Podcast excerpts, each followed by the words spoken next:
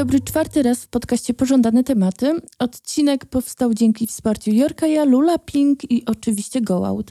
A dziś gości u mnie prawdziwa ekspertka od pożądania Joanna Keszka, trenerka kreatywnego seksu, edukatorka seksualna, pisarka i propagatorka zabawnego seksu. Tak, to, to ja. Witam wszystkich. Ja się zajmuję tak naprawdę promowaniem kobiecej perspektywy w polskich rozmowach na temat seksu. Mm -hmm. I, i, I robię to poprzez różne formy i różne treści. Piszę książki, prowadzę spotkania. Prowadzisz Instagram. Tak. -hmm. Podcasty ostatnio tak. też. Czyli też w wielu mediach jesteś bardzo obecna. Bardzo się staram. Tak. tak. E, my poznałyśmy się dwa lata temu, chociaż ja znałam ciebie dobrze z twojej aktywności e, internetowej. Chciałam powiedzieć e, aktywności seksualnej. Cudownie. Taka freudowska pomyłka, ale z tej aktywności cię nie znałam. Znałam cię z aktywności głównie internetowej, z twoich tekstów i, i z twoich filmów, takich właśnie, które miały wymiar edukacji seksualnej. Też bardzo dużo pisałaś o wibratorach i o orgazmie, o przyjemności kobiecej, więc, e, więc to było dla mnie bardzo ciekawe skonfrontować ciebie na żywo, jak jesteś niezwykłą, e, sympatyczną, super zabawną, e, roześmianą osobą. E, I to było też tak, że razem byłyśmy w Brukseli w, na Kongresie Kobiet, co było też ciekawe, że to było świetne miejsce do rozmawiania o tym, co też dla ciebie jest bardzo ważne w, w rozmawianiu o seksualności, czyli o polityczności seksu, bo to Kongres Kobiet był wtedy w Parlamencie Europejskim, e, a e, my brałyśmy udział jako prelegentki w panelu o ekonomii ciała. Tak, taki był tytuł, tak. Ekonomia ciała. I pamiętam, że to była bardzo ciekawa, ciekawa dyskusja o slut shamingu, ale też o, mm, o pracy seksualnej i zwieńczeniem całej dyskusji był twój odczyt e, twojego manifestu, który wówczas zrobił na mnie ogromne wrażenie. Ja pamiętam, że byłam wtedy pod takim wielkim, wielkim wrażeniem. Byłam bardzo zafascynowana Slatever, e, czyli Carlej Ściertino, która pisała dużo o, um, o byciu zdzirą i o tym, że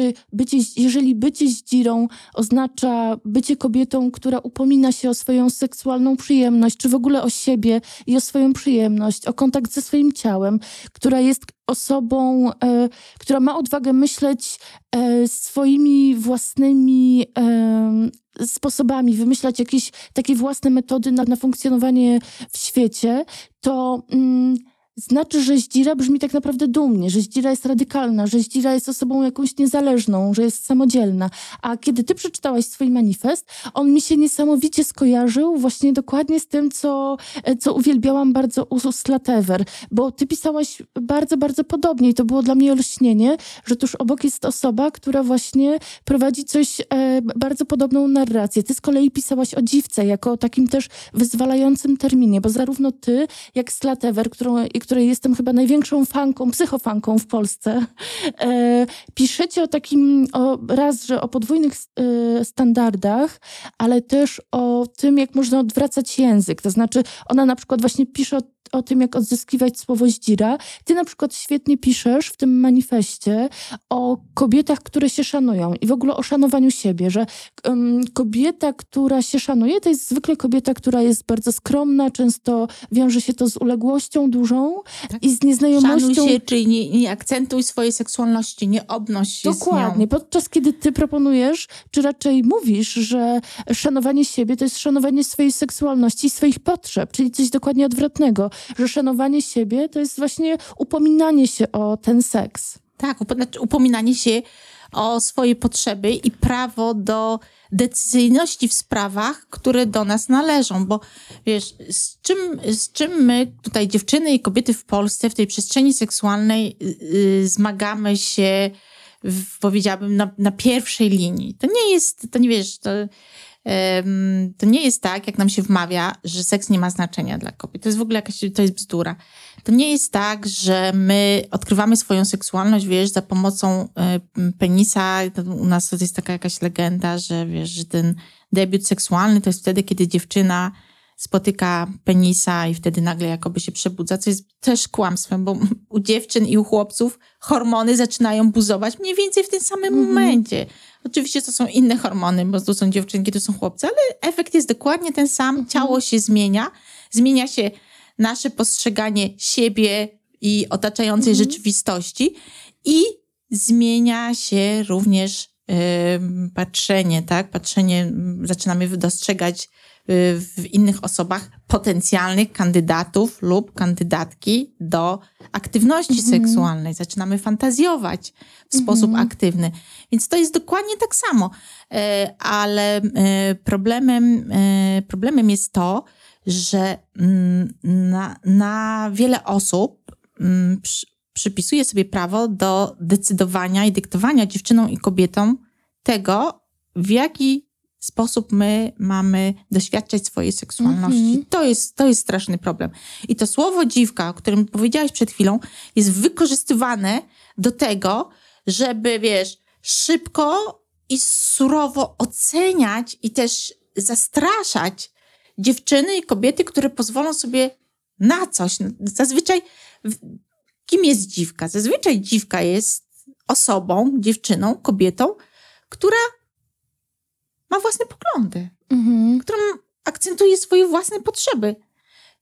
E, Kiedy ja rozmawiam z kobietami na spotkaniach, to okazuje się, że to słowo naprawdę niewiele ma wspólnego z jakimś tam wyuzdaniem seksualnym, bo tak naprawdę niewiele kobiet ma, ma w, tej, w tym naszym kraju przestrzeni i możliwości prawdziwe wyuzdanie. tak, do, Mhm. do doświadczania w bezpieczny sposób tak. e, jakiś bardzo, nie wiem, e, Ciekawych w- boga- bo- nie wiem, jak, nie wiem jak to nazwać, to, to tak się wystarczy że doświadczania jakichś, nie wiem, wyszukanych technik seksualnych, że, że dziwka to jest osoba, tak, e, która, nie wiem, ma, e, zna jakieś techniki i oczekuje od swoich partnerów nie wiadomo jakich e, technik, to jest bzdura.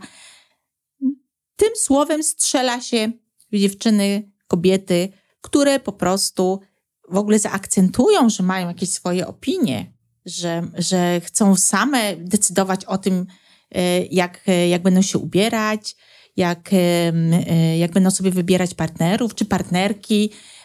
I mm, i ja dużo mówię o tej podmiotowości, bo to jest właśnie podmiotowość. Tylko, że to słowo podmiotowość brzmi tak strasznie nudno i tak zgranie. A, podmiotowość, co to kobiety nie mają podmiotowości w przestrzeni seksualnej. Ostatnio też usłyszałam właśnie taki zarzut, o czym ty mówisz, Joanna? Co, kobiety nie mają podmiotowości? Ja wtedy mówię, no właśnie nie mają. My właśnie nie mamy tej podmiotowości.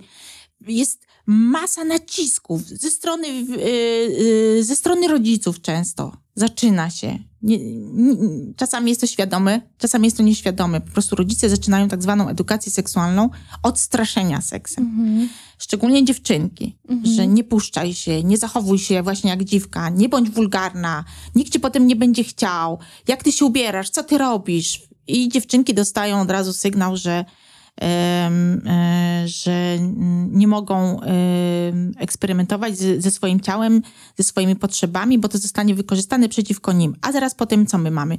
Mamy Kościół, który jest w Polsce wszechpotężny. Naprawdę, nie lekceważmy Kościoła, bo to jest potworny błąd. Ludziom się wydaje, że skoro mamy, wiesz, internet i możemy sobie odpalić filmik dla dorosłych, to znaczy, że my jesteśmy już mega wyzwoleni i Kościół nic nam nie zrobi. Bzdura. Potem mamy, wiesz, tak zwanych y, specjalistów. Mhm. i Ekspertów, ekspertów męskich. męskich i e, co, Ekspertów też od kobiecej seksualności. tak. Po prostu I to bardzo wiele wyjaśnia w kwestii tego, dlaczego wciąż tak mało wiemy o łechtaczkach. No Te łechtaczki w tych polskich rozmowach są pomijane, bo zazwyczaj wypowiadają się faceci i po pierwsze mężczyznom brak wyobraźni, żeby poczuć siłę i potęgę łechtaczek, a po drugie w ogóle nie czują takiej potrzeby, żeby się pochylać nad tymi łechtaczkami. Przecież do męskiego orgazmu w ogóle łechtaczki nie są Tak, potrzebne. bardzo więc... długo przecież nie było nic wiadomo na temat kobiecego orgazmu, a poza tym na przykład łechtaczka była pomijana w podręcznikach do medycyny dla studentów. W ogóle nadal jest. Wiesz, y, ja uważam, że Myślisz, że niewiele się tutaj zmieniło? niewiele, po, znaczy, mm, zaczyna się mówić o łechtaczkach i kobiety i mężczyźni już coś tam słyszeli. Ci, którzy interesują się powiedzmy w jakiś bardziej aktywny sposób odkrywaniem e, seksualności, ale e, łechtaczki e, pojawiły się powiedzmy w takich specjalistycznych rozmowach, e, gdzieś szacuje się, że to był koniec XX wieku, koniec Mhm. lat 90.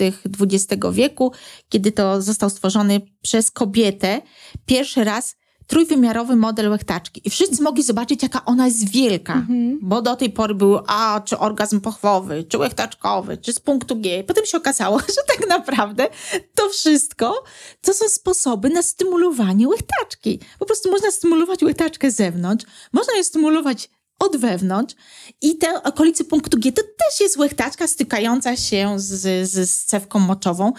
E, i, em, I gdybyśmy, wiesz, teraz zaczęli rozmawiać o tych łechtaczkach od rana do wieczora, to i tak nie nadrobimy tych wszystkich lat, kiedy o seksie mówiło się i pisało się, a tego słowa łechtaczka nie było, albo nie było zwykłej podpowiedzi, co z tymi łechtaczkami zrobić.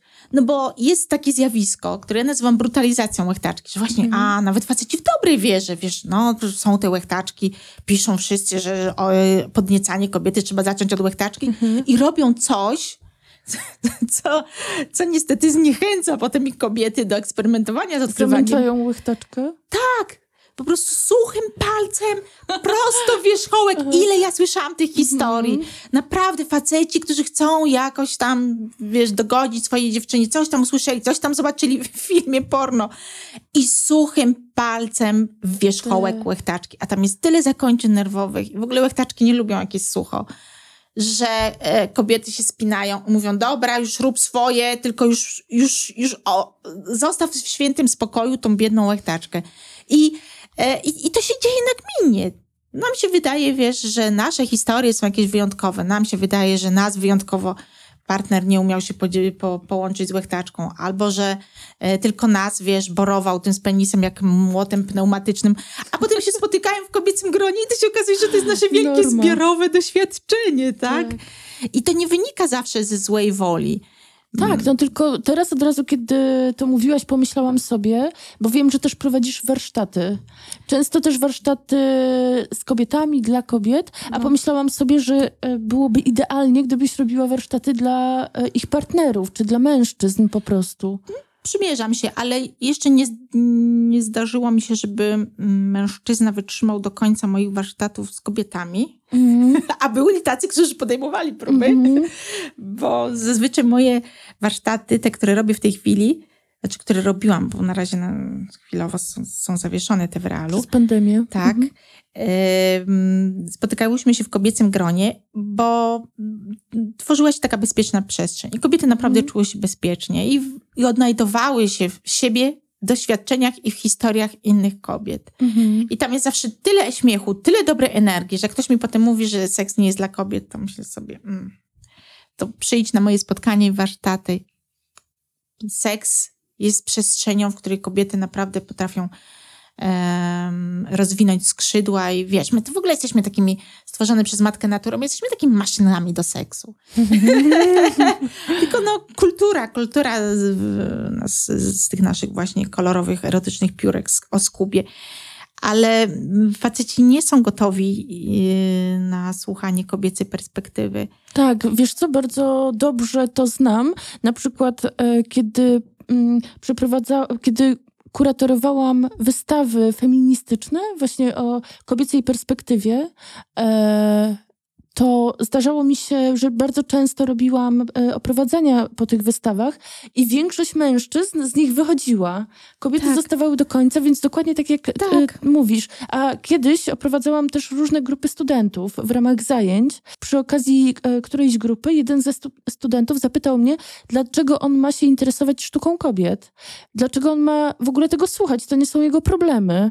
Czyli wiesz, student, który był zmuszony zostać do końca zajęć. I ja od razu e, pomyślałam sobie, że przecież tyle lat ja byłam zmuszona do słuchania wyłącznie męskiej perspektywy i kobiety, i to jest normalne kobiece doświadczenie, że e, lektury szkolne, czy w ogóle e, ogromna część kultury przeważająca to jest właśnie o problemach mężczyzn, tworzona przez mężczyzn, e, dla innych mężczyzn, gdzie kobiety często marginalne m, przestrzenie zajmują, więc jakby to jest też niesamowite, co nie? Ta, ten bunt przed tym, żeby właśnie też jakoś... E, wejść w kobiecą perspektywę, czy raczej taka niechęć do poznania kobiecej perspektywy. Tak, że uznania, że ona też się liczy, wiesz? Tak. Ale to się dzieje cały czas, że, że jest bardzo mało przestrzeni właśnie na, to, na tą kobiecą perspektywę.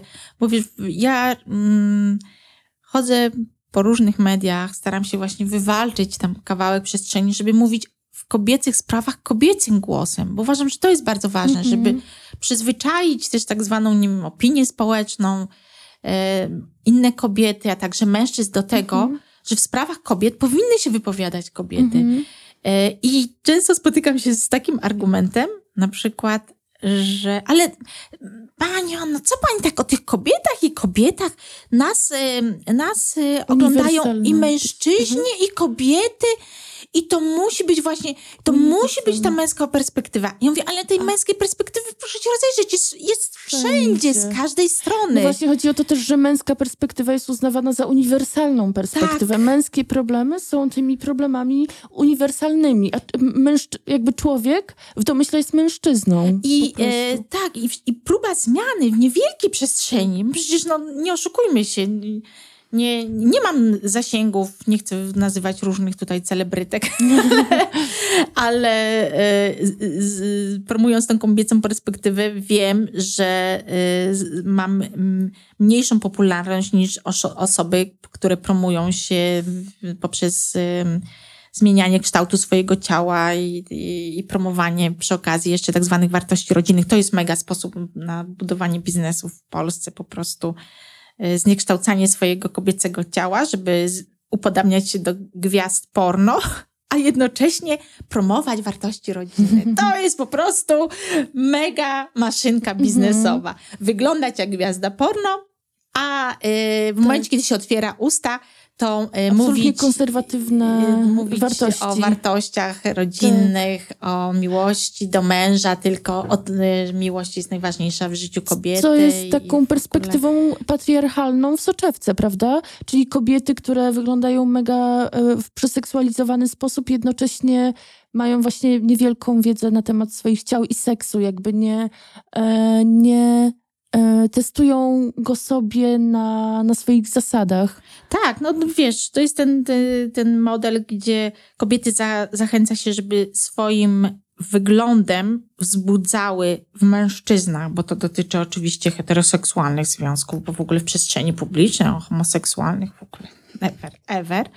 Więc nie mówimy o, hote, o po, heteroseksualnych związkach, więc y, dziewczyny, kobiety zachęca się, żeby wyglądały w taki sposób, żeby swoim y, wyglądem i zachowaniem wzbudzać ochotę na rypanko u facetów, a jednocześnie mają być zupełnie odcięte od swoich własnych emocji mhm. i nie mają mieć narzędzi do tego, żeby decydować o tym, czy one mają ochotę mhm. na rypanko, na pieprzenie się, na y, bycie aktywną w tej przestrzeni seksualnej. Ja ostatnio jestem zafascynowana y, telewizją reżimową. To jest mhm. niesamowite. Tam wszystkie, wszystkie dziewczyny, laski mają ogromne piersi. Mhm. Wszystkie. Mniej więcej mam wrażenie, że w ogóle ten sam model. Ogromne usta.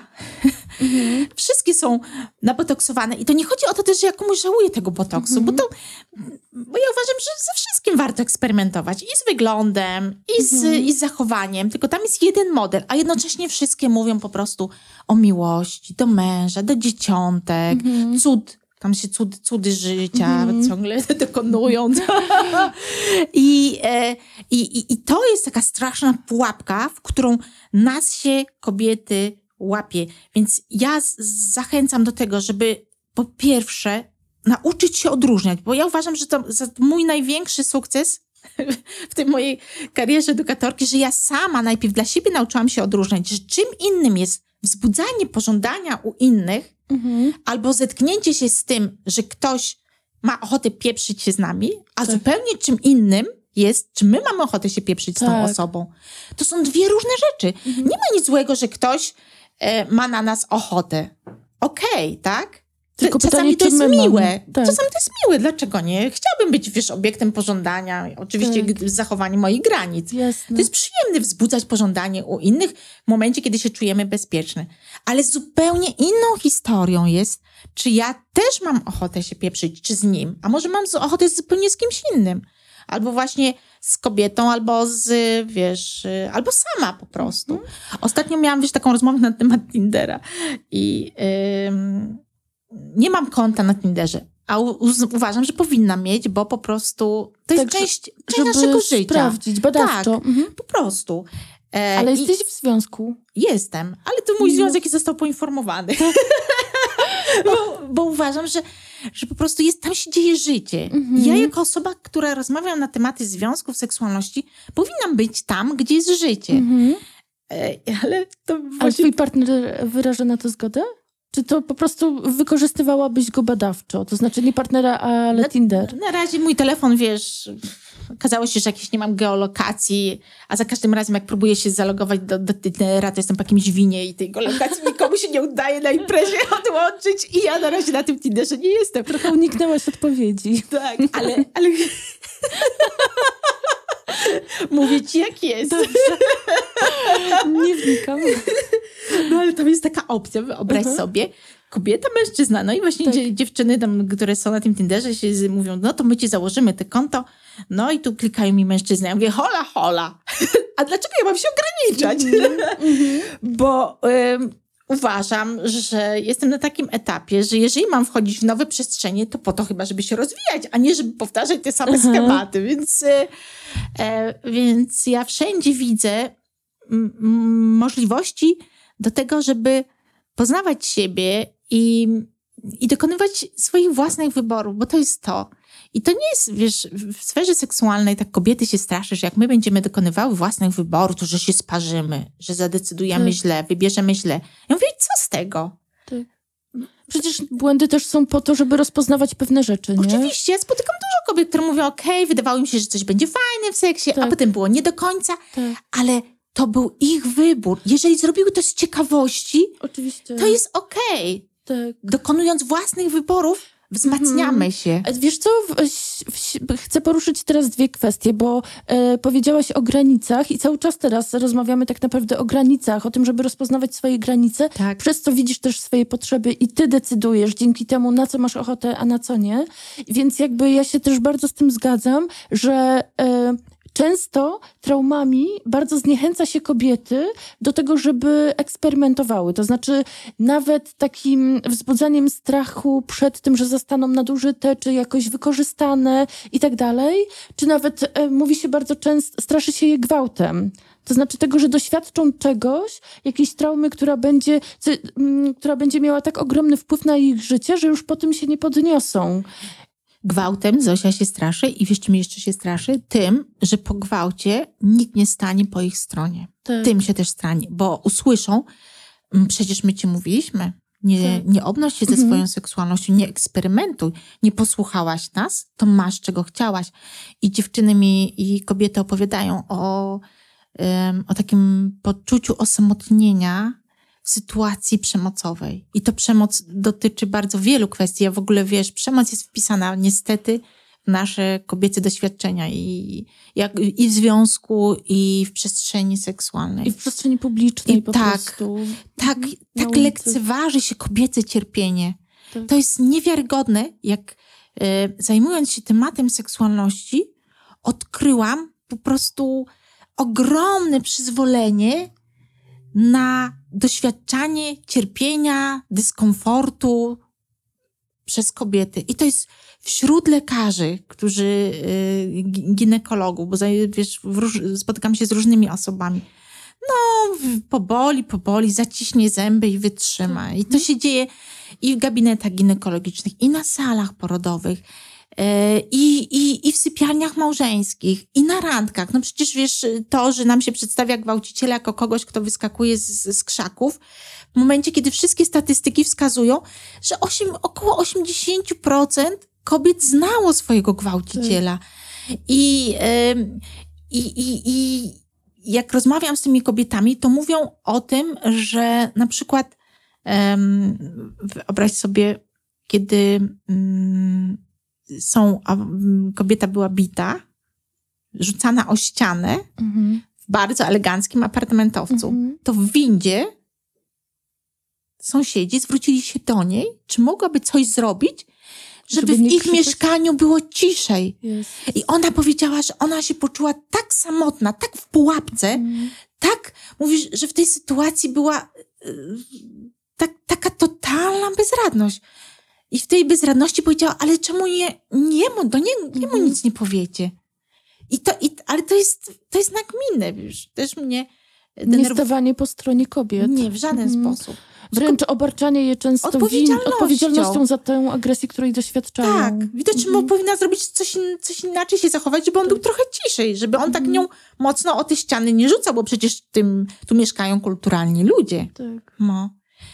I, e, i, i, tej, i o tym samo, osamotnieniu kobiet, że my z tym, z tym bólem, z, z tym lekceważeniem najpierw naszych potrzeb, a potem naszej krzywdy i naszego cierpienia zostajemy same, o tym się też bardzo mało mówi. Mhm. Jeszcze powiem tylko jedną rzecz, którą ostatnio, o której ostatnio myślałam, jak wyglądają właśnie te nasze polskie rozmowy o seksie. Wiesz, te nasze polskie rozmowy o seksie to jest takie połączenie kościelnego kazania, to my wam, głupiutkie kobiety, teraz powiemy, co robicie źle, że nie macie mhm. tych waszych orgazmów, które już dawno powinnyście mieć. Ci faceci z, mają e, penisa w zwodzie, gotowi są, a wy ciągle psujecie zabawę i ciągle nie macie tych orgazmów. Zróbcie coś z sobą. Takie kościelne mm -hmm. kazanie, a z drugiej stronie jest takie, wiesz, klisze z filmów porno. No a teraz dla odmiany porozmawiamy sobie o swingersach. I, mamy, i, I mamy takie połączenie i to od telewizji, wiesz, śniadaniowych po, wiesz, programy publicystyczne jest tego typu narracja. Tutaj, wiesz, takie połajanki umoralniające, my ci powiemy, co z tobą jest nie tak, weź ty się ogarnij, ty zrób coś mniej chciej albo bardziej się postaraj, a z drugiej strony, no to teraz dla odmiany o batorzeniu. I to też nie chodzi o to, że ja mam coś przeciwko batorzeniu, wiesz, jeżeli ktoś lubi, ale, y, ale jest to jednak doświadczenie seksualne, które dotyczy bardzo wąskiej grupy kobiet mm -hmm. I, i mężczyzn również większość z nas. Jest to rzadka, rzadka preferencja. Tak. Jakaś skrajność, ze skrajności skrajność. skrajność. Od mhm. umoralniających pogadanek tak. i tak naprawdę y, wbijających nas kobiety w poczucie winy, że znowu my ci pokażemy, że to z tobą coś jest nie tak, tak. bo tobie się coś zachciewa, bo skoro nie masz orgazmu, no to... To jest norma też, tak. znam to przecież z dyskusji z moimi koleżankami, e, czy jakimiś bliskimi mi kobietami, czyli w ogóle takie poczucie, że jeżeli nie mam orgazmu, to znaczy, że coś może ze mną jest nie tak, może mam jakąś wadę, albo tak. może anatomicznie go nie mam. Albo ten seks nie jest dla mnie. Tak, tak, tak, tak. Więc jakby, e, albo właściwie też jest nudny, więc może, albo skoro nie mam orgazmu, to trudno, żeby był, było inaczej. No po prostu tak często jest, no nie? Że, e, że, że się jakoś nie odkrywa różnych przestrzeni wtedy. W związku z tym, że to doświadczenie po prostu nie sprzyja temu, żeby miały orgazm. No oczywiście, że nie sprzyja. Ja pamiętam, wiesz, tak zwany mój debiut seksualny z penisem. Mhm. Bo wiesz, bez penisa to ja miałam dużo wcześniej, czyli mhm. tak zwany solo seks to och, wczesne lata nastoletnie, ale z, przejdźmy już do tego późniejszego momentu, kiedy to właśnie był ten, to, ten penis pojawił się w moim życiu. Penis w zwodzie. I, I, to było dosyć późno. Wynikało to z tego, że ja e, mieszkałam w akademiku i po korytarzach akademika krążyły legendy o tym, jak pierwszy raz boli. Mhm. Pamiętam, jak miałam taką koleżankę na roku, która opowiadała, że krew się z niej lała, jakby była zaszynanym prosiakiem. Wow. I ja wtedy nie czułam się zachęcona. Tak. I to bardzo y, oddaliło moją decyzję o debiucie seksualnym. I ja zadebiutowałam z tym, y, z tym penisem dokładnie w momencie, kiedy już po prostu czułam, nie, kurczę, naprawdę chcę, naprawdę mhm. chcę to zrobić. Mhm. Było, czułam się w pełni gotowa. I, i, I moje ciało zareagowało w ten sposób, że nic mnie nie bolało. Po prostu ja byłam gotowa. To wiesz, jak to jest, Mhm. jak, jak jesteśmy gotowe. Po prostu ja to mówię, puszczalskie cipki otwierają się, wiesz, wszystko jest takie soczyste, wiesz, wszystko jest takie miękkie, taki pulchne się robi. Zero bólu. Mhm. E, I teraz, ja to, dlaczego o tym mówię? Bo zaczęło się gdzieś e, od roku, od dwóch lat zaczęło się właśnie mówić, że pierwszy raz nie powinien boleć. Mhm. Bo wcześniej była taka narracja, że Ból, musi boleć. I tak, tak, mocno połączone z bólem. tak, Że i tak nas się seks- przyzwyczajało do takiego myślenia, że seks to kolejna przestrzeń, gdzie my musimy wytrzymać. ból, tak. Tak. A się okazuje, że nie. Że problemem było to, że dziewczyny i kobiety zgadzają się na seks, na który nie są gotowe. Mhm. Że właśnie nikt ich nie nauczył zadawać sobie pytania, czy, czy, czy to jest, czy ty tego chcesz, czy w tym Mhm. momencie tego chcesz. Bo jeżeli masz ochotę, jeżeli ci to ciekawi, jeżeli masz, e, czujesz się- gotowa, to ciało będzie po twojej stronie. A jeżeli się zmuszasz, jeżeli ktoś ciebie zmusza, to ciało, głową szukasz, ciebie nie oszukasz. Dziewka ci powie, nie, nie chcę tego, będzie Mhm. zaciśnięta.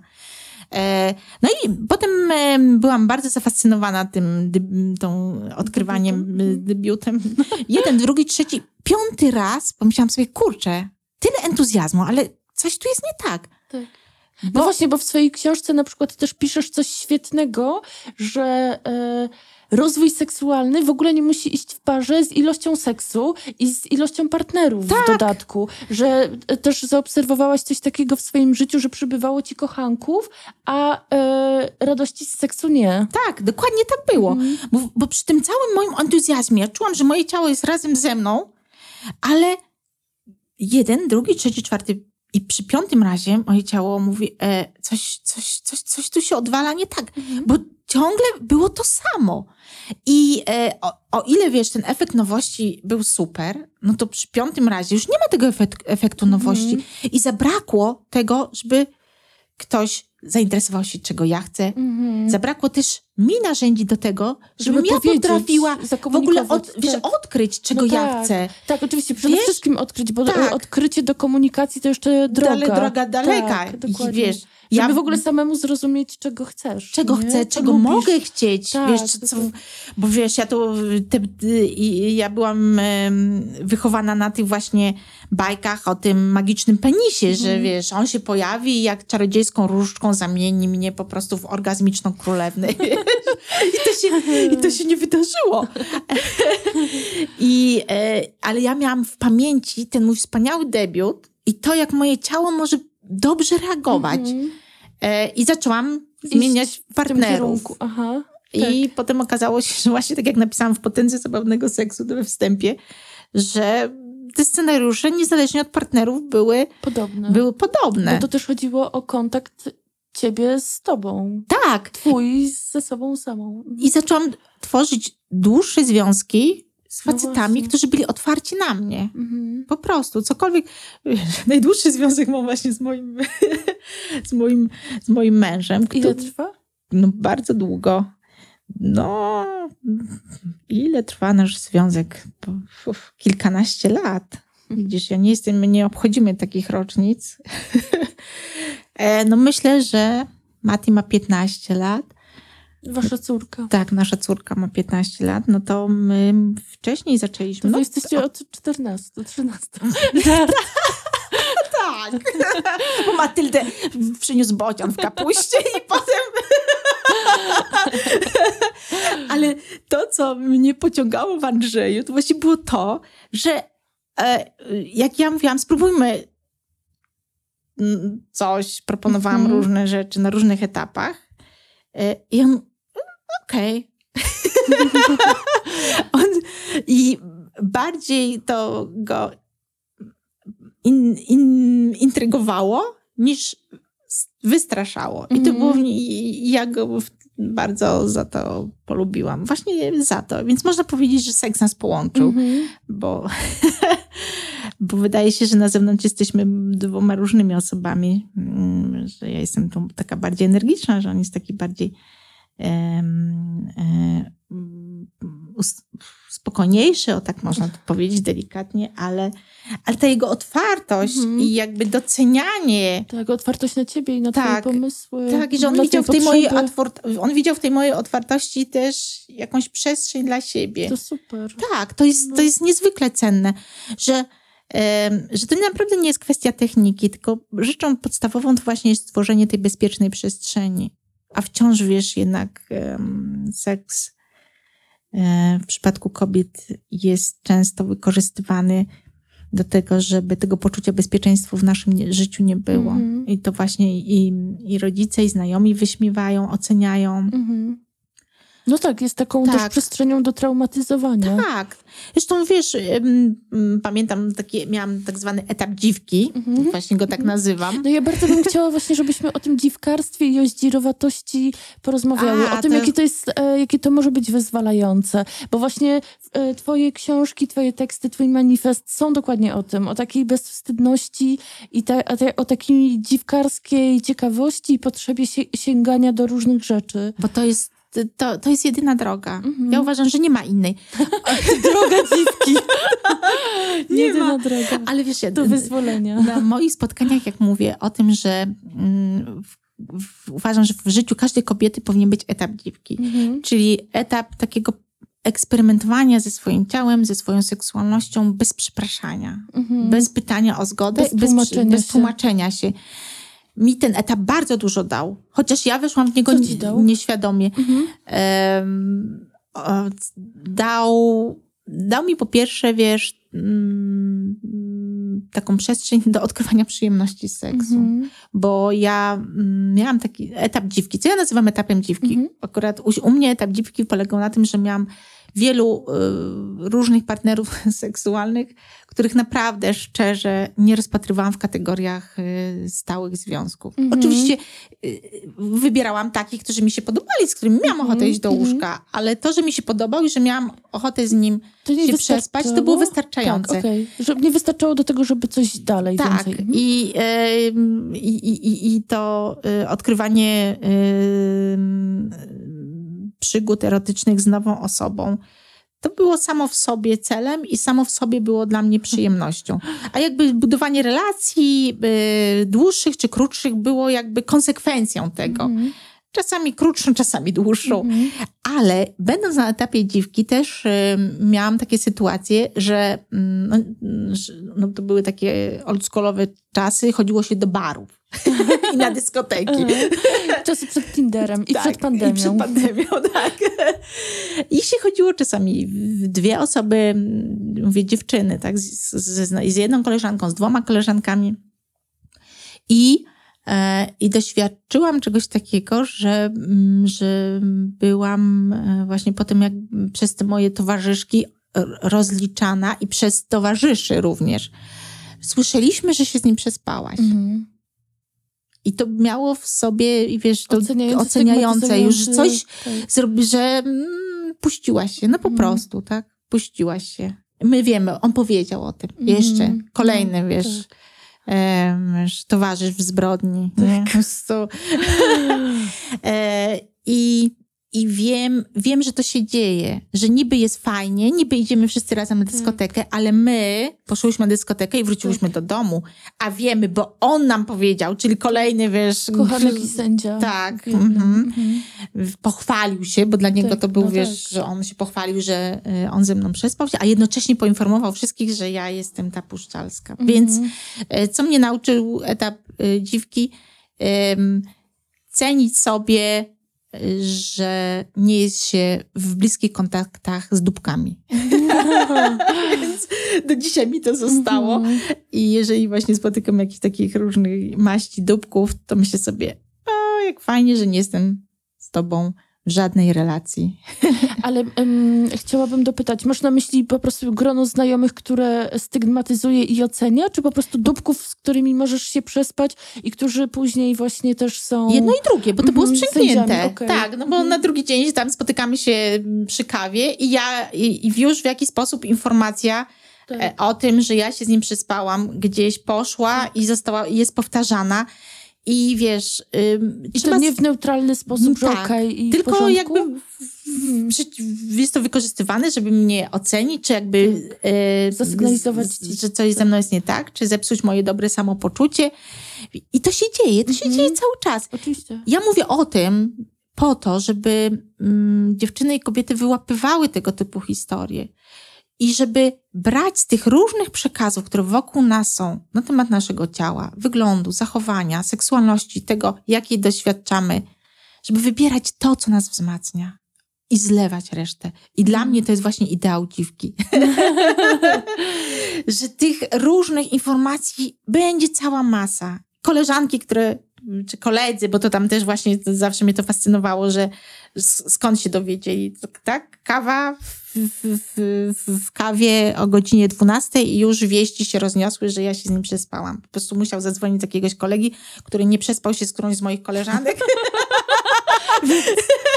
Miał czas y, i energię na to, Tak, tak, więc- żeby dalej nieść wieś. Ja e, nie, nie, nie uważam, że, mm, że, że to są rzeczy jakieś tam bardzo mnie krzywdzące, tylko po prostu, żeby to wyłapywać i żeby nie brać tego do siebie. Mhm. Wiesz, w ogóle zajmowanie się tematem seksualności i nawet y, tym tematem, który ty tak bardzo lubisz, dzierwatości, uczy mnie takiej empatii do siebie i do innych kobiet. Mhm. Takiego myślenia o sobie, okej, no i co z tego? Zrobiłam to, Tak, co chciałam zrobić. Tak. Miałam seks albo go nie miałam, bo niektórzy znowu uważają, że czasami trzeba mieć seks. tak. Też jest taka presja Tak, w niektórych sytuacjach. To jest, wiesz, na przykład jak jesteś w związku, to jest- to jest odpytywanie, wiesz, czy, Jak często. jak często, czy wiesz, żeby... Jak satysfakcjonujące. tak, tak, żeby też, y, Tak. a może się w- jakiś słaby punkt znajdzie, Mhm. więc y, y, podstawową rzeczą naprawdę jest y, nauczyć się nie wykorzystywać seksu do oceniania siebie czy Mhm. innych. To jest, to, to jest bardzo ważne i, i, i też niełatwe, bo my jesteśmy tak, Mhm. tak uczeni, żeby właśnie ten seks to był sposób na udowadnianie naszej moralności, właśnie na, na porządności, Mhm. wiesz. No. Zresztą zauważ, co się działo mm, w czasie teraz demonstracji, w czasie strajku kobiet. Tam było tyle haseł związanych z seksualnością to było takie Tak, fascynujące. tyle tak. cipek też na banerach. Tak, cipy górą. Mhm. Jedno z moich ulubionych haseł. Mhm. I to było fantastyczne, że to właśnie, i to też się wpisuje w to, o czym ty mówisz, e, w ten mit zdzirowatości, żeby e, słowa, którymi próbuje się nas zawstydzić, właśnie Odwracać. odwracać i tak. używać z jako, dumą. Tak, jako słowa mocy. Tak, dokładnie No. tak. Jeżeli, wiesz, bo słowo cipa, cipka przez wiele lat, wiesz, ja zajmuję się tematem seksualności wiele lat i... e, Było i gorszące? Trudne. Trudne. Mhm. trudne, że kobiety mówiły, że mm, trudno im się oswoić z tym słowem. Ja najpierw wybrałam słowo cipka, ostatnio przerzucam się na cipę. Mhm. I to też jest niesamowite. Tak, no. Wydaje, A e, jaka jest różnica twoją, twoim zdaniem? że cipa jest mocniejsza. Mocniejsze, no właśnie. I że teraz jest z- czas Że na... cipka trochę taki bardziej dziewczęce, bo ja to tak kojarzę z dzieciństwa, jak moja mama do mnie mówiła. No to i tak miałaś, byłaś do cipka. przodu, bo wiesz, Mhm. masę dziewczyn w ogóle w dorosłym życiu dopiero, wiesz, używa tego słowa cipka. Znaczy to słowo cipka jest takie ciepłe. Ja Mhm, takie odbieram, no, jak są kobiece spotkania, w kobiecym gronie to bardziej mówię słowo cipka, ale zawsze podkreślam, żeby każda kobieta wybrała swoje własne słowo Mhm. i używała takiego słowa, z którym Mhm. ona czuje się dobrze. Mhm. Ale jeżeli chodzi o mnie samą, to coraz y, częściej słyszę, że mówię cipa. Ale w ogóle też bardzo dużo miejsca poświęcasz językowi. To znaczy, że e, wiadomo, też na przykład zaznaczasz to, jak język konstruuje rzeczywistość, ale też i nasze myślenie o seksualności, ale jak też bardzo jest powiązany z seksem, na przykład wzniecaniem namiętności albo pożądania. I w, w twojej książce ostatniej jest dużo e, takich wprost. Em, wprost zaleceń, jak na przykład mówić, jak budować różne, e, różnego rodzaju napięcia albo seksualne sytuacje. Na przykład zacytuję, e, mój plan na dzisiaj jest prosty, chcę zostać twoją osobistą sekslalką. Albo na przykład, e, co też bardzo mi się podobało, dajesz taki przepis na zrobienie dobrej laski, czy też zalecenie dobrej laski i jakby okazuje się, że tym głównym zaleceniem tym głównym składnikiem dobrej laski jest to, że masz ochotę w ogóle ją zrobić. robić. Czyli to jest też coś bardzo o, o twoich potrzebach i granicach. Czyli ona będzie dobra, jeżeli będzie z takiej intencji, że ja mam na to ochotę, a nie, że jestem jakoś zmuszana do tego albo czuję presję. To jest podstawa, że my jesteśmy czegoś ciekawe, my czegoś chcemy. I jeżeli chodzi o język, to ym, ja uważam, że to jest y, pole, na którym toczymy największą bitwę. Wiesz? Ja myślę, że w ogóle te e, twoje, fragmenty twojej książki, właśnie tutaj, gdzie są te gotowe hasła, które można wykorzystywać, można po prostu wykorzystywać jako gotowe SMS-y do wysyłania. Typu, em, będę potrzebowała twojej obsługi dzisiaj w nocy. Albo mogłabym spędzić cały dzień między twoimi udami. Jak ja, to jak ja miałam wielką przyjemność pisząc tą książkę, znaczy, przypomnę tylko tytuł, bo to mówimy o tej, o tej książce, która teraz Potęga jest, e, zabawnego seksu. Potęga zabawnego seksu. E, bo mm, ja mm, hołduję takiej y, zasadzie, żeby pisać takie książki, które by się samej chciało przeczytać. I staram się, żeby moje książki były bardzo, bardzo praktyczne.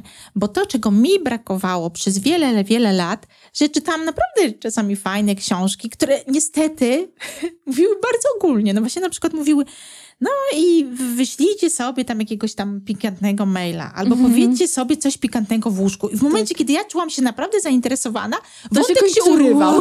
A bardzo trudno czasami e, jakby dojść do tego, co jest pikantne, kiedy po prostu tak bardzo nie ma się tego, tak bardzo nie jest się tego nauczoną i tak bardzo nie ma się wyrobionych takich e, narzędzi i nawyków, prawda? Tak. Ja w, tej, w potędze zabawnego seksu wiele razy powtarzam, że ciało raz puszczone w ruch, samo puszcza się dalej. I ja wiem, że e, osoby e, o wyobraźni, a takich osób jest naprawdę bardzo dużo, do, dopasują te moje Mhm. podpowiedzi do siebie. I jestem pewna, że tam będzie, że polecą jeszcze dalej niż, niż te moje podpowiedzi. E, I, ale, ale chciałam dać takie narzędzie, żeby pokazać, od czego zacząć. Mhm. To jest. e, I, I starałam się w każdym z tych pomysłów dawać bardzo, bardzo konkretne podpowiedzi. Jak pisałam rozdział, jak nakręcić domowe porno, to obdzwoniłam y, osoby, które zajmują się produkcją filmową. Bo tam był Dla temat, konkretnej wiedzy. Tak. I powiedz, jak nakręcić domowe porno. temat, bo Coś tam był temat słuchaczy. światła. Aha. Wiesz, znaczy, ten rozdział pod tytułem Jak nakręcić domowe porno powstał po tym, jak próbowałam nakręcić domowe porno i my się tam po prostu... Znaczy, świetnie się bawiliśmy, ale efekt... Nie puściłaś do internetu. Tak, jeszcze Za słabe światło było. ta, ta kariera jeszcze jest przede mną. Gwiazdy porno. Tak, chociaż ostatnio już miałam też taką rozmowę. Jak rozmawiam właśnie, i to właśnie było też duże, duże takie wydawnictwo. Pan ze mną rozmawia i ja właśnie mówię o tej kobiecej perspektywie, że tu piszę książki, organizuję eventy, a pan tak patrzy, mówi, tak, tak, mówi, em, też mam znajomą, która działa w branży porno. Z takim zrozumieniem, wiesz, a takie otwarte po prostu. Okej. Pomyślałam sobie, tutaj Seksedukatorka. Tak. Cienka granica od seksedukatorki do, do gwiazdy gwiazdy porno. Chociaż teraz myślę sobie, że to był jakiś chyba rodzaj komplementu. Przecież nie wiem, w jakiej roli pan sobie mnie wyobrażał. Ale właśnie wracając do tego, e, do tego rozdziału, to e, kąt, kąt ustawienia telefonu Mhm. okazał się Kamerą. kluczowy, Mhm. że na naszym niewiele było widać i oświetlenie. Mhm. I, e, I postanowiłam rozwiązać te dwa, e, te dwa problemy. I tutaj wsparłam się doświadczeniem osób e, z branży filmowej Mhm. i, e, i dostałam radę, e, najlepiej przy zachodzie słońca. Mhm. Że nic nie przebije naturalnego światła. światła. Mhm. I, e, I najlepsze jest właśnie takie mm, y, jasno, jasno zachodzące słońce, więc tutaj jest podpowiedź, jak będą tutaj y, słuchacze i słuchaczki bukować gdzieś wyjazdy Mhm. poza Warszawę, to żeby bukować od zachodniej strony pokoje. Mhm. I wtedy jak będzie nam wpadało gdzieś właśnie, będziemy gdzieś poza Warszawą, na wsi, Wtedy ustawiamy telefon. telefon kręcimy ustawiamy, tak, i wtedy porno. mamy to domowe porno. I tam ja, wiesz, we wszystkich tych moich podpowiedziach piszę, że y, żeby mm, robić plany. I często okazuje się, jak potem rozmawiam z ludźmi, że to przygotowywanie się do seksu jest już samo w sobie jest Bardzo zabawą. podniecające. Tak. A. Ale to jest właśnie też ciekawe, bo e, mówienie o seksie jako formie zabawy, bo e, ja bardzo długo raczej słyszałam o seksie jako czymś bardzo poważnym, czymś, co się wręcz wyklucza ze śmiechem. W sensie takiej sytuacji, w której, kiedy reagujesz śmiechem, może się po prostu radykalnie e, ktoś obrazić, osoba, z którą uprawiasz seks i wiesz, może to doprowadzić do jakiegoś, jakiejś katastrofy towarzyskiej, w sensie, czy też takiego Tak. kontaktu intymnego. Te nasze doświadczenia, wiesz, se- seksualne często są takie bardzo poważne. My tak, wiesz, takie pozy przybieramy, a seks nie jest poważny. Mhm. I kiedy spojrzymy z boku na siebie w czasie seksu, dwoje dorosłych, całkiem rozsądnych ludzi nagle jest bez majtek w dziwnych pozycjach, wymienia się płynami Mhm. różnymi bardzo. Robi dziwne miny i tak, Tak. dalej. E, takimi... Dziwne odgłosy. Tak, to, Tak. to Też dużo piszesz o tym, żeby właśnie uwolnić te odgłosy, co nie? Tak, głos bardzo jest ważny bardzo ważny. Mhm. Szczególnie w przypadku kobiet. To jest, wiesz, seks nie jest skomplikowany. To te, te nasze właśnie przekonania kulturowe, że to nie wypada, dużo. to Mhm. wstyd, to komplikuje. A seks jest kontakt z ciałem. Mhm. I dlatego to okrzyki w czasie seksu, jęki, yy, śmiech albo świntuszenie jest Mhm. bardzo ważne z tego powodu, że my wydając dźwięki nabieramy powietrze. Aha. A nabierając powietrze, poprawiamy ukrwienie. Mhm. A kiedy ukrwienie jest, jest lepsze, to po prostu ciało lepiej reaguje. To jest tak proste, Mhm. ale dużo kobiet w sytuacji, kiedy czeka na ten orgazm, wiesz, to Też jest stresującej po prostu. napięcia No, i Tak. i jest, y, ciało spina ciało tak. i wstrzymuje oddech. I to są rzeczy, które nie służą w ogóle cieszeniu się ciałem. Trzeba pamiętać o rzeczach najprostszych. Seks to jest kontakt z ciałem, więc pozbywajmy się tego napięcia. Wszystko, co powoduje, że my się pozbywamy napięcia, jest dobre. Te tango argentyńskie, które Mhm. było zakazane, tak. tak, to, to było, to był wstęp do seksu. Mhm. I wspaniały wstęp, bo cudownie by było, słuchaj, gdyby nasi faceci tańczyli. To by było coś fantastycznego, naprawdę. Byliby lepszymi kochankami? Mm, Tak, a my byśmy miały dużo większe szanse na dobrą zabawę. Tak. Tak. Dużo więcej orgazmów. po prostu wyobraź sobie piękna fryzura, zupełnie nadzy i tańczymy. Mhm. Coś, coś wspaniałego. Zresztą ja przy, przybiłam się do informacji o tym, jak, e, jak te pierwsze kultury cywilizowane to były kultury matriarchatu. Mhm. I jak tam wyglądały doświadczenia seksualne. I, i mm, to było tak, że kobiety organizowały uczty. Zapraszały na nie mężczyzn. Mhm. Nie, to, że nie, że Mhm. bez facetów. I na tych Czasami ucztach spoko. tak, to facetami właśnie. I było jedzenie pyszne, była świetna muzyka i oni jedli, bawili się jak w czasie tańca czy w czasie zabawy miały ochotę na więcej, to pozwalały na więcej. I dla mnie to jest, wiesz, po prostu ideał dobrego seksu. Mhm. I ja Tak. starałam się, myślę, że gdzieś to, to, to moje marzenie w tej książce jest. Ja staram się właśnie łączyć te elementy, dobre jedzenie, Mhm, muzyka, ruch i takie e, robienie wszystkiego we własnym tempie. tak. Mhm. Ja tam często przypominam właśnie, ale na co ty masz ochotę? Tak. Żebyś tak nie, też żeby nie czuć presji, bo jeżeli my będziemy musieli czuć presję, że my musimy coś zrobić, Tak, że to dobre jedzenie i, i Tak. muzyka na pewno musi prowadzić Tak, do czegoś. tak, To, mm, tak, to musi, może być bardzo przeciwskuteczne. nie, skupmy się na, wiesz, teraz w ogóle jest taki nowy trend, taki postpandemiczny trend w seksie, żeby,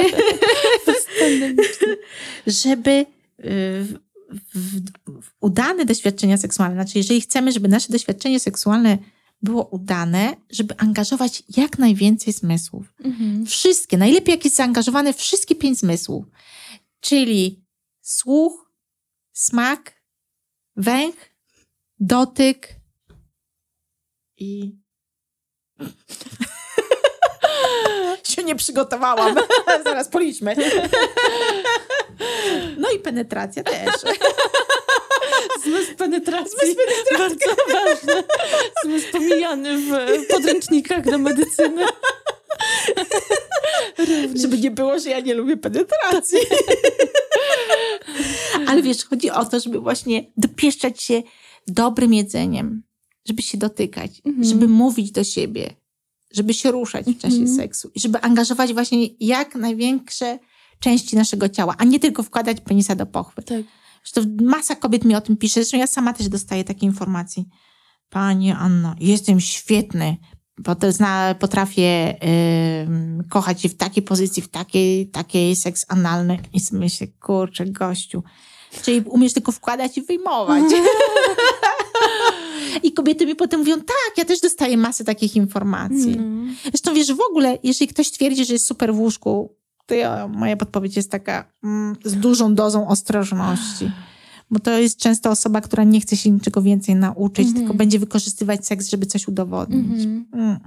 Lepszy jest taki, który patrzy na ciebie wielkimi oczami, może, ale dalej się uśmiecha.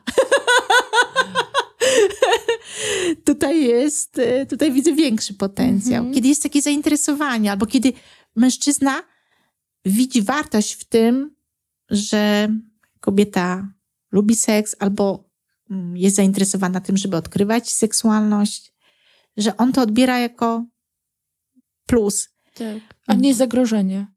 Tak, mm. Mhm. a niestety często jest tak, że faceci mówią, hm, hm, tak, my bardzo jesteśmy otwarci na e, kobiecą seksualność, a tak naprawdę są gotowi tylko i wyłącznie na to, żeby odtworzyć, wiesz, scenariusz ostatnio obejrzanego filmika Mhm. e, Na dla dorosłych. Mhm. No, więc E, A chciałam cię, wiesz, to też o emocję taką jak gniew zapytać w seksualności, bo mm, pytam też o to, dlatego że przed e, nagraniem teraz rozmawiałyśmy właśnie o gniewie i o tym, jaką teraz mamy emocję i e, pomyślałam sobie, ponieważ też dużo ostatnio rozmawiałam o tej emocji, e, czy ona jest, wiesz, istotna, też jest tak, że wiele osób boi się tej emocji. to jest bardzo potrzebne. Po prostu, ja to mówię, nazwać chuja chujem. Mhm. No tak na przykład jak teraz e, protesty kobiet, co nie? Które też są bardzo mocno, tak jak powiedziałaś, powiązane z seksualnością i właśnie mówieniem o ciele i mają bardzo dużo też takiego języka seksualnego, a jednocześnie są bardzo oparte na gniewie. Ja, ja uważam, że trzeba się sprzeciwiać. I to jest e, e, te, ten gniew jest słuszny. I e, wiesz, dlatego Kościół i konserwatywni politycy zajmują się seksem, bo seks jest narzędziem sprawowania władzy. Zarówno odmawianie seksu, jak i wymuszanie seksu. Mm, My w naszym kraju mamy do czynienia z tym, że nas kobiety wbija się w taki wąski model seksualności w związku małżeńskim w celu posiadania dzieci. I tak naprawdę najlepiej, jakbyśmy po prostu były, siedziały w kuchni boso i w permanentnej ciąży i wiesz, i to wcale nie jest żart, naprawdę. I ten gniew jest nam potrzebny do tego, bo to jest złe. To, co nam się mówi na temat seksu, to, do czego nas się zachęca w przestrzeni seksualnej, to są złe rzeczy. Wiesz, ta ustawa antyaborcyjna w tak obrzydliwej postaci, ona była wstrętna przed tymi zmianami, a teraz jest po prostu obrzydliwa, jest po prostu przemocowa wobec kobiet. I ona dotyczy wszystkich kobiet, które mają kontakt z seksem. No bo ta ustawa obejmuje wszystkie kobiety, których życiu był seks. No bo jak się zachodzi w ciąży? Mając seks, w chwili, kiedy masz seks w tym kraju, jesteś kobietą, to stajesz się, wiesz, grupą docelową tej obrzydliwej ustawy antyaborcyjnej i w tym momencie mm, jesteś już y, dobrem publicznym albo złem publicznym Mhm. i można Tak, cię krzywdzić. publicznym. Można lekceważyć twoją krzywdę, bo y, tam jest zaszytych wiele, wiele złych rzeczy. Osoby po poronieniach, kobiety, które są straumatyzowane po poronieniu, będą traktowane jak potencjalne zbro, zbrodniarki, tak? Więc to ich też dotyczy. Kobiety na salach porodowych, ich cierpienie, ich potrzeba pomocy, intymności, wsparcia będzie lekceważona. Tak, Halo, lalka, miałaś seks, to teraz musisz wytrzymać, tak? To już się dzieje. Bo skąd wiesz, w pandemii świetny pomysł, że nie może być y, ojca w, y, w, na sali porodowej. Wiesz, to jest straszne. To już jest takie, my ci pokażemy, gdzie jest twoje miejsce. To, potem, e, potem e, to się rozlewa, wiesz, w ogóle na dziewczyny, które proszą o antykoncepcję. Ja rozmawiałam ostatnio ze znajomą, która powiedziała, że chodzi wiele lat do lekarza i nagle dostała informację od niego, że to jest ostatnia recepta na antykoncepcję, którą on jej przypisał. Ona ma lat 50. Mhm. Czyli to nie chodzi, wiesz, o rozmnażanie się, no bo jako ginekolog ma tyle, wiesz, oleju w głowie, żeby wiedzieć, że, że, że nie zmusi jej do rozmnażania, bo to nie ma sensu. Mhm. Ale ty masz 50 lat, już nie możesz mieć seksu. Koniec. Ja ci nie pozwalam. Ja mam władzę nad Mhm. tobą. I wiesz, i e, ja uważam, że powinniśmy jak najwięcej o tym mówić, żeby pokazywać, że to nie dotyczy tylko i wyłącznie prawa do aborcji, chociaż oczywiście prawo do aborcji uważam, że jest prawem podstawowym. Mhm. Ale myślę, że słuchaczki i słuchacze twojego podcastu są grupą, która akurat co do tego nie ma wątpliwości. Mhm, tak. Więc ym, Chciałabym... chciałabym... fajnie byłoby, gdyby ten podcast trafił też do, do tej innej grupy. Ja myślę, że, mm, że zmiany nadchodzą. Tylko musimy skonsolidować siły. No mówisz też e, często w swoich książkach, że orgazm ma tą taką magiczną i rewolucyjną siłę. Tak. Dlatego orgazmy się ciągle kobietom odmawiają. Mówią, a nie, orgazm nie jest taki konieczny. Mówię, halo, powiedz facetowi, że ma iść do łóżka, ale orgazm nie jest taki konieczny, wiesz. Ja jestem, oczywiście, jestem przeciwniczką presji i uważam, że jeżeli było fajnie, jeżeli czułyśmy się e, zrelaksowane, to, to jest w porządku. Ale... Bez, nawet bez orgazmu. No Mhm. tak, e, ale Jasne. jednak kombinujmy, tak? Co, co powinno się wydarzyć następnym razem, żeby ten orgazm był. Wiesz, często się okazuje, że to naprawdę nie są skomplikowane rzeczy. Jeżeli się dobrze bawiłyśmy z zaprzyjaźnionym penisem, e, a on już miał wytrysk, to wystarczy wziąć sobie zaprzyjaźniony wibrator łechtaczkowy i powiedzieć Misiu, Krzysiu, cieszę się, że ci było dobrze. E, A teraz zobacz, ja tutaj sobie skończę, e, rozmasowując swoją łechtaczkę. No I- właśnie chciałam cię też prosić o taką konkretną radę dla moich słuchaczy e, odnośnie wibratorów. Bo jestem też często o to pytana, jaki wybrać, jakie są najlepsze. No I- to oddzielna, wiesz, to jest oddzielny mm, Ale właśnie program. te, które stymulują łechtaczkę, wydają mi się jakimś ogromnym odkryciem. No u nas e, tak, e, kobiety, z którymi ja rozmawiam, uwielbiają wibratory łechtaczkowe, ale ja wiem, że są grupy kobiet, które wybierają mały wibrator łechtaczkowy, który mogą używać zarówno solo, jak i w czasie Mhm. zabawy z partnerem, ale jest też mocna grupa pod wezwaniem, która po prostu idzie po swoje i to musi być duże. I, I ja nikogo nie będę nawracać, wiesz, z dużych wibratorów na łechtaczkowe, ani odwrotnie. Mhm. Bo to jest tak jak z, wiesz, z wibratorami, to jest tak jak z butami, jak z torebkami. E, To musi być taki model, że ty się nie możesz doczekać, żeby zabrać to pudełko do domu i w tym domu to je otworzyć Mhm. i użyć, nie? E, I to jest dobrze wybrany Mhm. wibrator.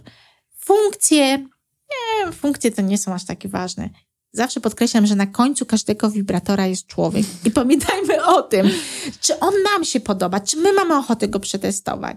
E, I często jest tak, że mm, kobiety odkrywają, że jeden wibrator jest fajny, ale trzy wibratory są jeszcze fajniejsze. Ale używane jednocześnie, czy Nie. przy jednej masturbacji? Ja lubię się spotykać z kobietami, odkrywam takie potencjały. Trzy naraz. Jejku, to nie był żart, po prostu dostaję ich tak dużo e, ostatnio, że eksperymentuję. Nie, zainspirowałaś mnie. A ja widzisz, po jednym.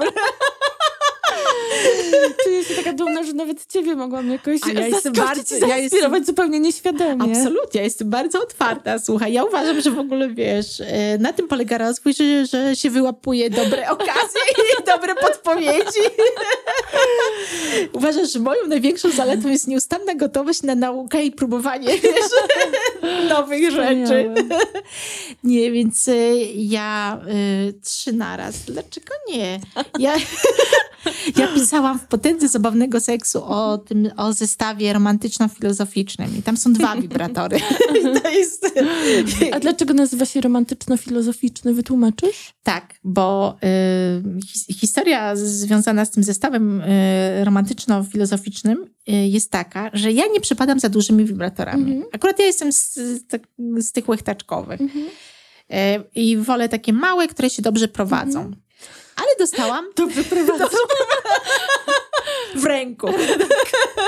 Trzeba doprecyzować.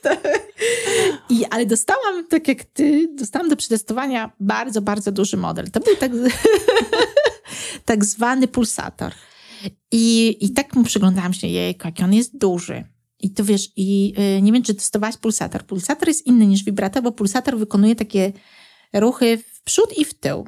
Mhm. I... Ale to jest penetracyjny Tak, wibrator. zdecydowanie. Mhm, Nie. tak pomyślałam sobie któregoś dnia, nie, no obowiązek obowiązkiem jest.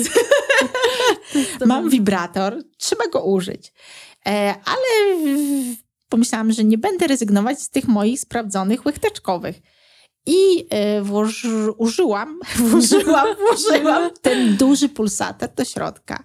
I okazało się, że on jest niezwykle łagodny. Mhm. Niezwykle. Mhm. On tak delikatnie y, rozmasowuje pochwę od wewnątrz. On Mhm. tak wsuwa się w przód i w tył. I dlatego nazwałam zestaw romantyczny, bo ten ogromny wibrator okazał się bardzo delikatny. Mhm. A filozoficzny, ponieważ wzięłam do ręki ten mój y, zaprzyjaźniony, stary wibrator łechtaczkowy i w momencie, kiedy pulsator rozmasowywałam mnie delikatnie Tak. od środka, ja zintensyfikowałam doznania na zewnątrz. I to było tak mocne doświadczenie, tak, tak. Wyobrażam intensywne. Idealne połączenie. Tak, Mhm. pomyślałam sobie, kurczę, dlaczego my kobiety doświadczamy tego tak rzadko? Mhm.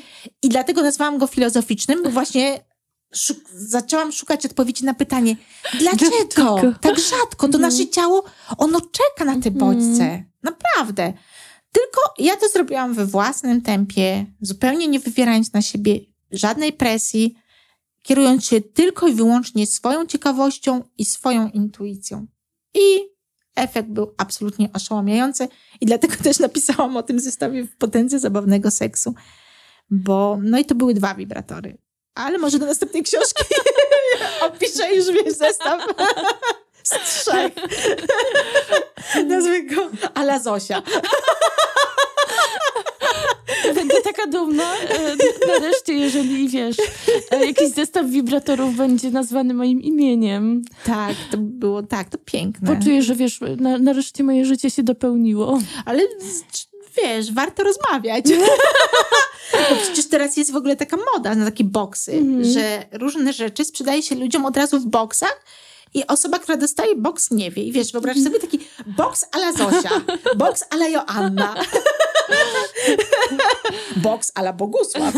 Nie znam jeszcze Bogusława, ale wyobrażam sobie, że też mogłoby być jakiś fajne. ciekawy pomysł na boks. Nie, tak. boks ale Bogusław. Nie, tak, żeby nie było, że tylko wiesz, Kobiety, że kobiece, że ja. Mhm. tak. Wiesz, bo to nie jest tak, że kobieca perspektywa wyklucza męską. Nam to też jest taki kolejny e, e, Tak, chyba ją wręcz podbija Tak. i nie tylko uzupełnia, ale jakoś tak ją winduje, co nie? E, Absolutnie. Mhm. Jest y, takie stare feministyczne hasło, które ja uwielbiam, że żaden mężczyzna nie będzie wolny w łóżku z kobietą, która wolna nie jest. Mhm. Ja to mm, przeczytałam w jakichś y, tekstach feministycznych amerykańskich z lat 70., ale to hasło jest nadal aktualne. Mhm. Bo to, to, to ten, ten cytat pochodzi z tych czasów, tam był przez moment krótki niestety. Mhm. Feministki były bliskie realnej władzy w Stanach. To był krótki moment, Mhm. ale, ale mm, jak się dokopuje do tych materiałów, tam jest dużo fascynujących treści. Bo to były kobiety, które już były bliskie władzy i te teksty były mocniejsze, takie bardziej, bardziej realne. I ja powtarzam te teksty, bo y, męż, wiesz, mężczyzna, który ogranicza swoją kobietę w łóżku, sam siebie ogranicza. Mhm.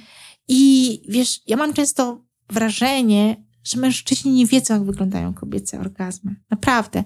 Bo te nasze kobiece orgazmy nie wyglądają tak jak w komediach romantycznych, ani tak jak w filmach pornograficznych. One są po prostu fizjologiczne. Mhm. I kobiety lubią się ocierać o różne rzeczy, o udo partnera, Mhm. o wibrator, o penisa, Mhm. czasami o poduszkę. Mhm. E, I faceci robią wielkie oczy, ale tak, tak właśnie wygląda Mhm. kobiecy orgazm. Dużo kobiet lubi po prostu ocieranie. Tego ocierania nie ma w komediach Mhm. romantycznych. Tam jest piękna bielizna, tam są płaskie brzuchy, Mhm. lśniące włosy i w ogóle różne takie rzeczy, których w realnym życiu w ogóle nie ma. E, a już w, w filmach pornograficznych to niestety w większości wypadków jest, e, jest, jest tak naprawdę przemoc, bo nikt tej kobiety nie pyta, na co ona ma ochotę i ona ma mdleć na sam widok, mdleć Penisa. jakoby z rozkoszy Mhm. na sam widok penisa. No, no nie, no sam widok penisa jest fajny, ale tak jak powiedziałam przy, przy y, opowiadaniu o moim debiucie z, z penisem, tak do pięciu razy wystarczy. A potem jednak się chce czegoś więcej, trochę inicjatywy jakiejś, Mhm. jakiegoś zaangażowania, Tak. jakiejś otwartości, Tak, no czegoś po prostu. Tak, Mhm. czegoś dla ciebie. Tak, jakiejś tobie. przestrzeni. Tak, Tak. przestrzeni, żebyśmy mogli się spotkać. Tak. Mm. Joanno, e, myślę, że mogłabym tak z tobą naprawdę w nieskończoność rozmawiać. Co zresztą mamy takie doświadczenie, jak mieszkałyśmy razem w Brukseli przez te kilka dni. Ale dziękuję ci dzisiaj już za rozmowę. Ja ci bardzo dziękuję, było super, naprawdę. Mi również. I e, ten kraj potrzebuje więcej takich rozmów. Dziękuję ci bardzo. Dzięki. A na zakończenie chciałabym podziękować jeszcze sponsorom, czyli Jorkaja. Mm, To ekologiczne produkty okołomenstruacyjne, bliskie mi. Sama ich używam i bardzo je lubię. A także Lula Pink, czyli feministyczny blog i sex shop, z którego produktów również używam i które również bardzo lubię. Dziękuję także Gołautowi. Do usłyszenia.